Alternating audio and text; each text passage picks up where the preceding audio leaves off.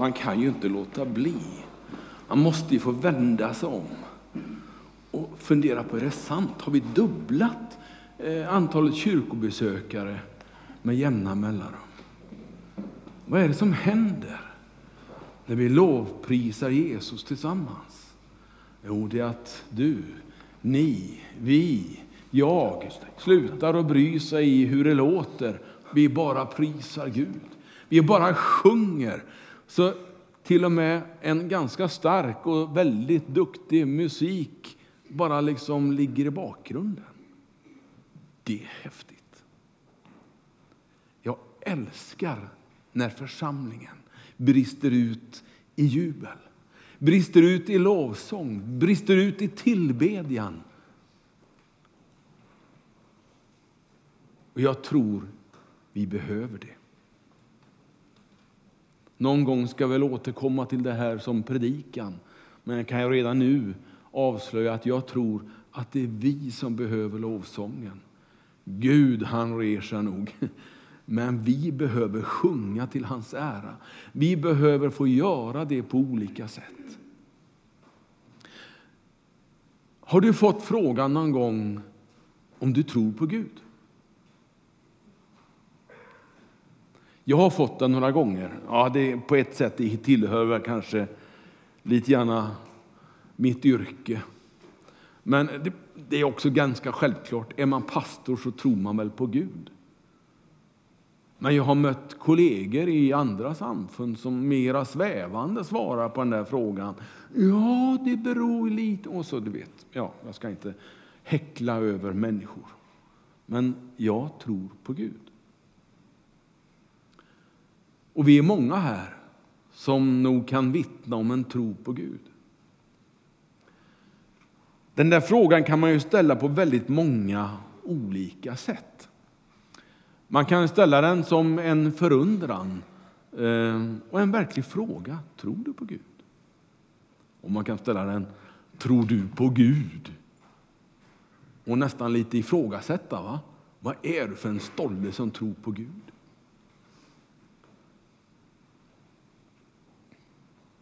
Vilken Gud tror jag på? Hur är Gud? Vad är Gud? Vi ska inte komma in på det idag, men man kan ju dela upp Gud och tron på Gud. Tror jag på Jesus? Tror jag på den heliga Ande? Tror jag på Fadern? Låt mig ändå få hålla mig till stora delar idag i tron på Gud. I det här så ingår också någonting som vi alla på något sätt bär på, tror jag. Och det är den gudsbild vi har. Om jag tror på Gud eller om jag inte tror på Gud så är risken ändå att jag har en gudsbild, eller förmånen att jag har en gudsbild. Det vill säga, hur uppfattar jag Gud? Hur uppfattar jag hur han är? En gudsbild kan ibland vara skadad. Den kan vara på sniskan. Den kan vara otydlig, som vilken bild som helst, höll jag på att säga.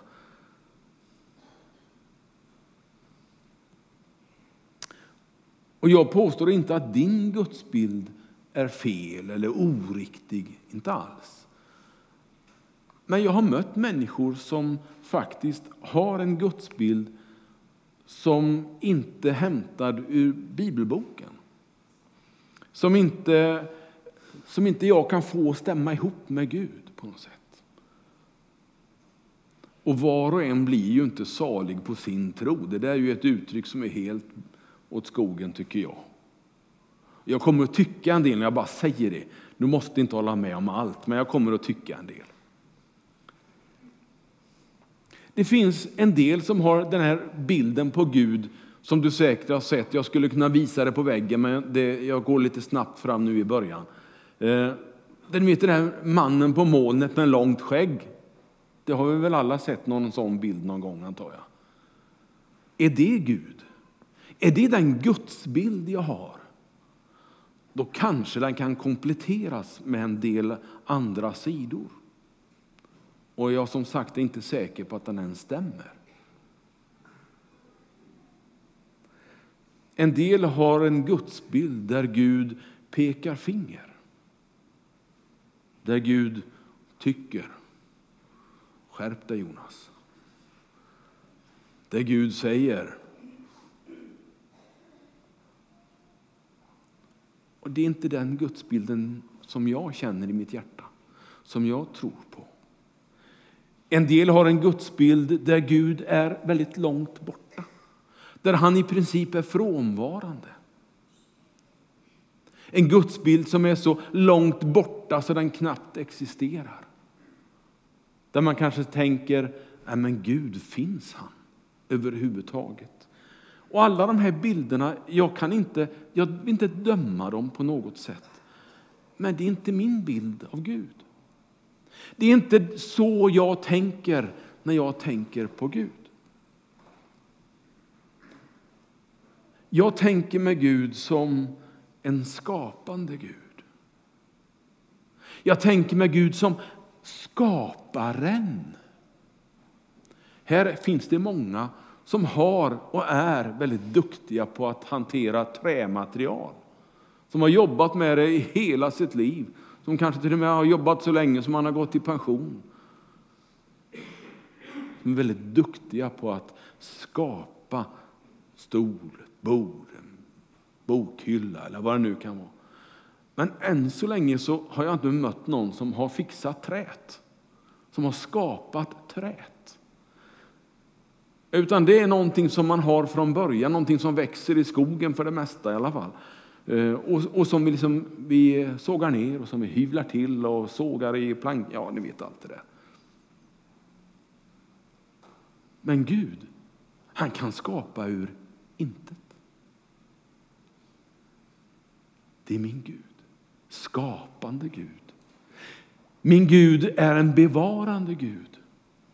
En Gud som inte bara skapar någonting utan som sen också bekänner sig vid sitt verk och liksom försöker hålla koll på sitt verk. Som månar om sitt verk. Ungefär som den som har gjort en stol som liksom gärna målar om den någon gång ibland. Se till att stolen mår bra, på att säga. Men se till att den ser fin ut. Se till att den är funktionsduglig, att den inte brakar ihop när man sätter sig på den. Min Gud är en kärleksfull Gud. Min Gud är en verkligt kärleksfull Gud. Jag återkommer till det om en liten stund. Men han är också förlåtande. Jag skulle kunna stå här och räkna upp mer som jag tycker är min Gud. Som är min gudsbild, som tillhör det jag tänker på när jag tänker Gud. Men nu ska jag koncentrera mig på, på tre saker idag. Det ena är att tro på Guds ord. Och Det andra är att tro på Guds kraft. Och Det tredje är att tro på Guds kärlek. Så de tre sakerna skulle jag vilja fokusera på en liten stund. Det första är att vi ska läsa ett bibelord tillsammans. tänkte jag. Det finns så många bibelord att läsa. Men jag tänkte ta ett som jag tror att en del kanske känner igen. Och Det är Johannes evangeliets 14 kapitel. Och den första versen. Det är säkert många som säger att ja, men det där känner jag igen. Ja, men vad bra. Det är ju bra om vi känner igen bibelordet ibland också lite extra. Det står så enkelt. Låt inte era hjärtan oroas. Tro på Gud och tro på mig, säger Jesus. Alltså det, det är nerplockat i några få ord bara. Hela det jag älskar med Gud. Låt inte ditt hjärta oroas, Bengt. Det finns så mycket du kan oroas för. Både i ditt liv, i din omgivning och i vår värld. Det är så pass oroande så att nu tar de små, de som ännu inte har lämnat skolvärlden och drar ut på stadens gator och torg och demonstrerar för sin framtid. Och jag skulle vilja säga till dem, låt inte ditt hjärta oroas. Tro på Gud och tro på Jesus. Sluta inte med ditt engagemang, men lägg till det. Så tror jag att det finns stor risk för att vi mår lite bättre mitt i oron. Och vi får kraft att jobba med det som oroar oss. Det här är så viktigt att man vågar ta på, på de här orden. På det här som Gud har gett oss. Det står att de trodde på hans ord i en saltarsalm.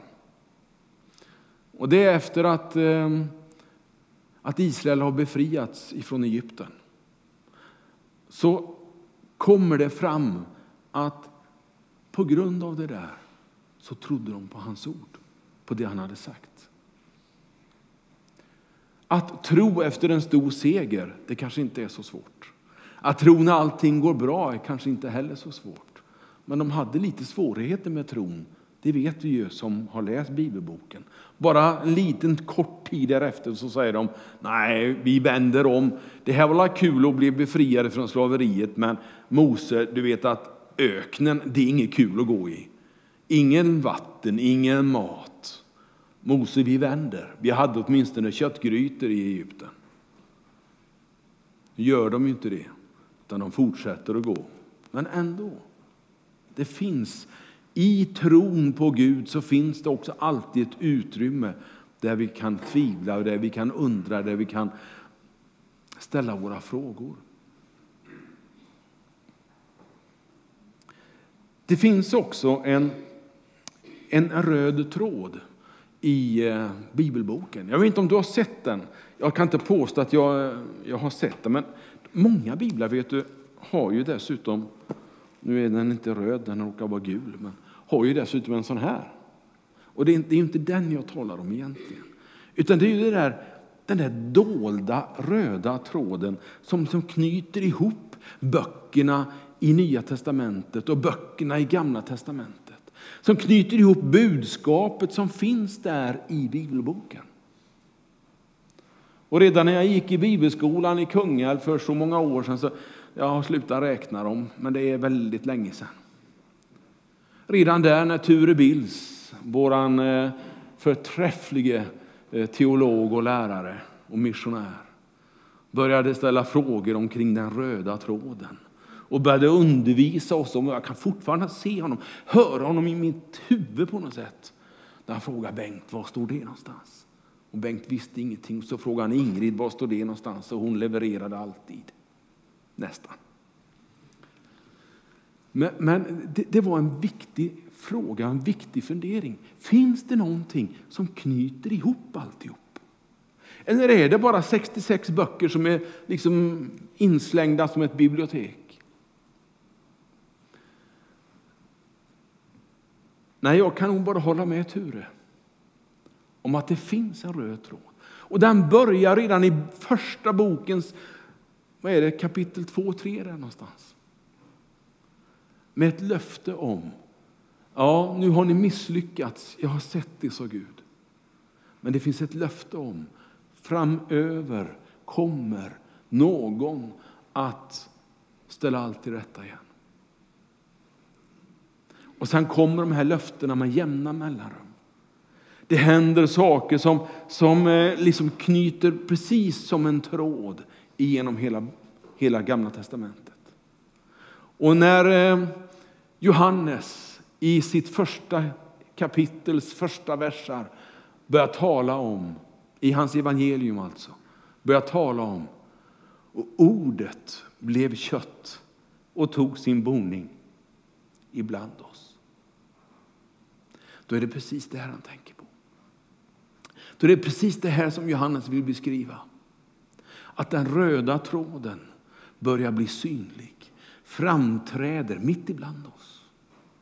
Mitt ibland lärjungarna, mitt ibland människorna på jorden så blir Guds röda tråd helt plötsligt hur tydlig som helst. Och den leder genom en mans 30-åriga liv fram till ett kors på en kulle där han ger sitt liv. Och sen är det precis som om, om tråden bara blir liksom ännu mer finmaskig och delas ut genom alla lärjungar som sprider budskapet om att han lever. Det finns en röd tråd i Bibeln och det är Jesus själv. Hans namn kanske inte uttrycks i Gamla testamentet, men löftena om honom, beskrivningen av honom blir ibland så tydlig som man kan undra om det är någon som har läst tidningen ifrån Golgata redan på 4, 5, 600-talet, före Jesu födelse. Buden var en annan sån här vägvisare som pekade mot eh, vinsten eh, över synden och ondskan. Ja, du vet de där tio budorden som vi kallar dem för. Det är inget fel på dem. De är fantastiska. Men oj, vilket jobb det är att följa dem. Har du försökt? Testa en månad får du se. Och lev precis som budorden säger. Det är inte enkelt alltså. Men för den som felar så finns det en försoning, så finns det en förlåtelse som ingår i samma fantastiska bok i vår bibel. För den som inte klarar av att leva upp till de här högt ställda målen för oss som människor så finns det en räddning, en frälsare som säger ja, men kom till mig. Jag ger dig nåd. Jag ger dig kärlek. Jag ger dig omtanke. Det andra som jag skulle fokusera på, förutom tron på ordet. Det skulle gå att berätta mycket mer om det, men ni vet man får begränsa sig ibland, eh, har jag lärt mig. Eh, och det måste jag göra. Men det andra, det var tron på kraften. Ja, men man säger, vilken kraft? Jesus var väl ingen muskelbyggare? Nej, det var han inte. Och Gud har du inte sett. Så du, vad är det för kraft du pratar Ja, vi ska läsa. Tron på hans kraft. Vi läser ur eh, Kolosserbrevet. Eh, andra kapitlet, vers 12. Ska vi se om jag hittar det här i, bland alla bläddringar. Någon har varit och bläddrat i min bok. Där är det. I dopet blev ni också uppväckta med honom genom tron på Guds kraft. Nu börjar det bli intressant. Han som uppväckte honom på de döda, från de döda. Du som var med här förra veckan i gudstjänsten. I dopet blev ni också uppväckta med honom genom tron på Guds kraft. Dopet är inte bara en, eh, ett bad. Dopet är inte bara någonting som vi gör för att människan ska bli blöt eller för att vi ska liksom göra någonting offentligt. I dopet finns Guds kraft. I dopet finns Gud med. Det är inte alltid det kommer ner en vit duva över den som döps, men Jesus var med om det. Det var så viktigt med dopet så till och med Jesus tyckte jag måste få bli döpt Johannes. Ja, men du behöver inte, sa Johannes. Du är ju ren. Du är ju Guds son. Spelar ingen roll, säger Jesus. Kom igen Johannes, vi ska göra det som står i boken. Och så döpte Johannes honom. Och om Jesus behövde det, ja men då, då behöver jag det. Då behöver du det, då behöver vi få uppleva dopet i våra liv. Och i dopet finns en kraft. I dopet så kom duvan nedsänkt och väldigt många känner ju till bilden av duvan som den helige Ande. Den helige Ande föll över Jesus. Och man kan ställa frågan igen, behövde Jesus den helige Ande? Ja, det verkar så. Ja, men då behöver nog jag också det. Då vill jag också ha av den heliga Ande i mitt liv, om Jesus var beroende av det. Samma kraft som verkar i dopet verkar i räddningen av min själ verkar i räddningen, i frälsningen av mitt liv. Den här kraften har vi liksom eh, använt oss av det ordet till det som vi tycker är stora, kraftiga saker. När Alfred Nobel började, oj förlåt, när Alfred Nobel började fundera på sina uppfinningar, när han skulle göra nitroglycerinet och dess kraft hanterbart, vilket inte var ett tag. Det small lite nu och då, när man inte ville det. Så började han experimentera och det small ut i Stockholms skärgård så det bara dundrade om det med jämna mellanrum.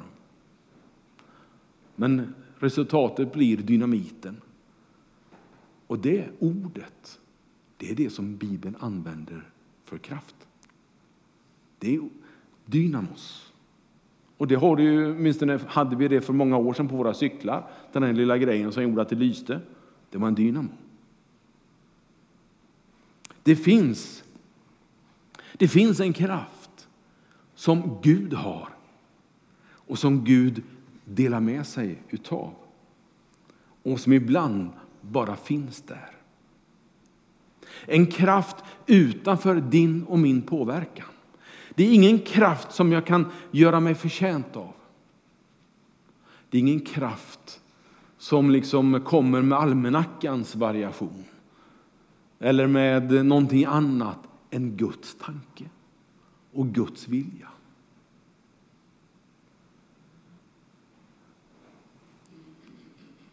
Ibland får vi uppleva Guds kraft i våra liv. Men vi får också uppleva det på väldigt olika sätt. En del människor, när de, blir, när de börjar tro på Jesus och ber sin första bön med någon, så får man uppleva Guds kraft. En andra får uppleva den när de kliver ner i dopgraven, en glädjens kraft. Och jag på att säga, Ashur, jag tror den lyser fortfarande i ditt liv när jag möter dig. Det, det, är så häftigt. Det här som Gud ger till en människa som ger sitt liv till honom. Det är så starkt. Det tredje som jag vill eh, fundera på lite grann tillsammans med dig, det var Guds kärlek. Om inte Gud hade varit styrd av och till och med är Guds kärlek så undrar jag hur det hade gått med hans kraft.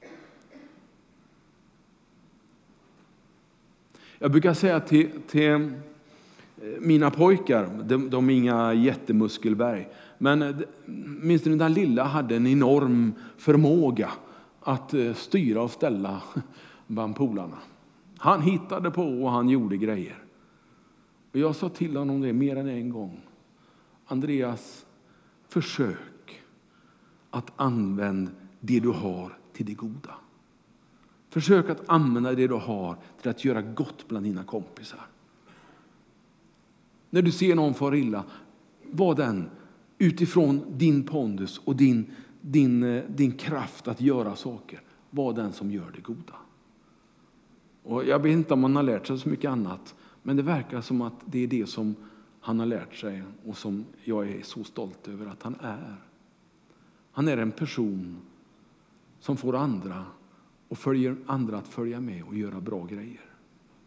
Det driver honom idag fortfarande. Men jag tror att om inte Gud hade varit kärleken så kanske man haft anledning till oro över den Gud är. Men jag är inte orolig, för Gud är kärlek. Han använder sin kraft i mitt liv i kärlek. Han använder sina möjligheter för dig, för mig, för oss som kyrka, församling. För han älskar oss. Tänk om det var drivkraften för en människas liv. Tänk om det var drivkraften för alla människors liv. Vår värld hade sett väldigt annorlunda ut då. Men nu är det inte så att alla vill ha med Gud att göra. Och en del till och med motarbetar det Gud står för. Motarbetar kärleken och istället driver hatet. Jag kan inte förändra det. Jag kan möjligtvis samtala, jag kan möjligtvis leva mitt liv tillsammans med Gud. Men vi måste bara förstå att det inte är Guds fel att det ser ut som det gör på vår jord. Utan det är hatets fel. Det är hatets människor. Det är drivkraften i hatet, i antikärleken, om man får använda det uttrycket. För Gud står för kärlek. Gud är kärlek. Och det är så gott att få tro på honom och tjäna honom och veta att han går med.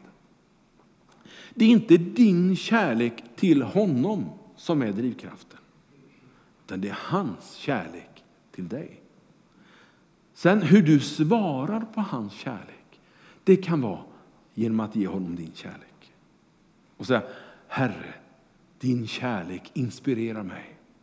Jag vill vara med dig, jag vill vandra med dig. Jag vill ha dig i mitt liv. Herre, jag ger dig mitt liv. Många uttrycker det åt liknande saker som svar på hans kärlek till oss. Hans kärlek är ingenting egentligen du förtjänar. Hm. Jag vet inte om man någon gång förtjänar kärlek förresten. Gör man det?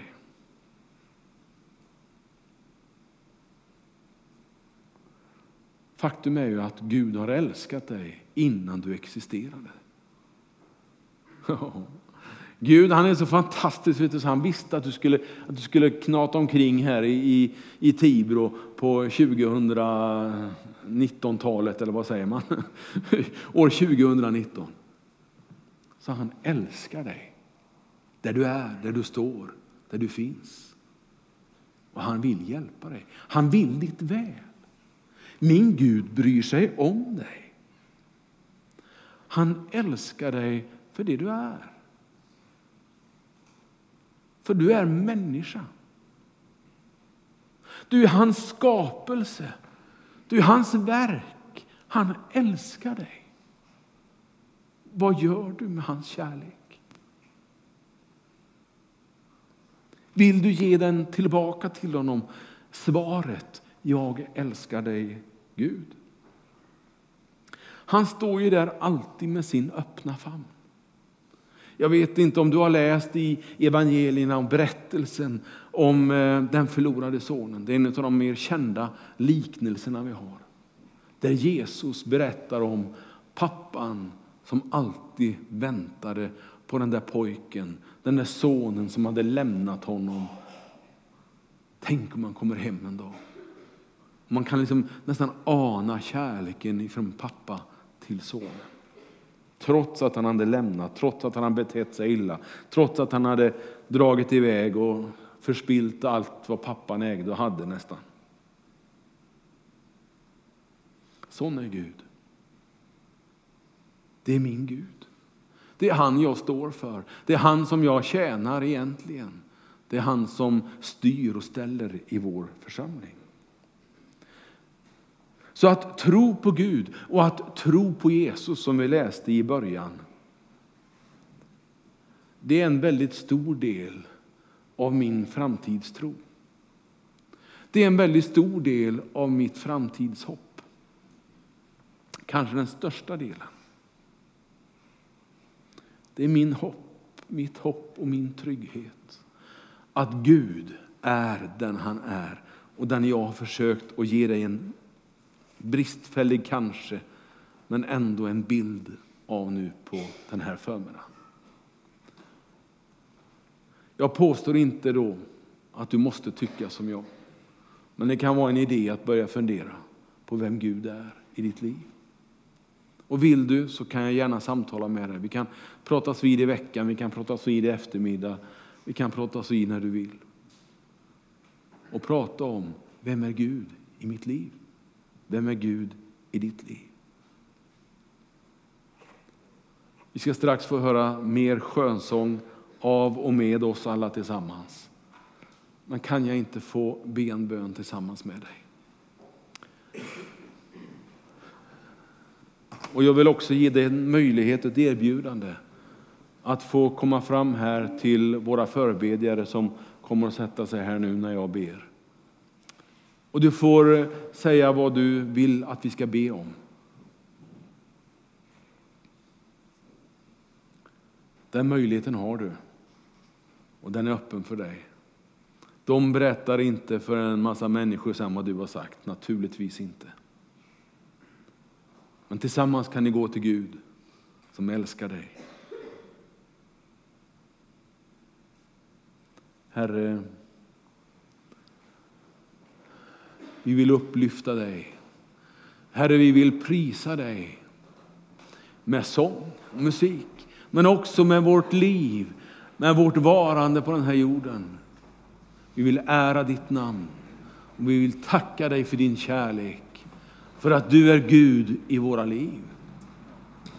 Herre, jag ber. Låt den här avslutningen av gudstjänsten, låt resten av dagen av samvaro kring matbordet få bli en del av vårt svar till dig på din kärlek. Jag tackar dig och jag prisar ditt namn. Amen.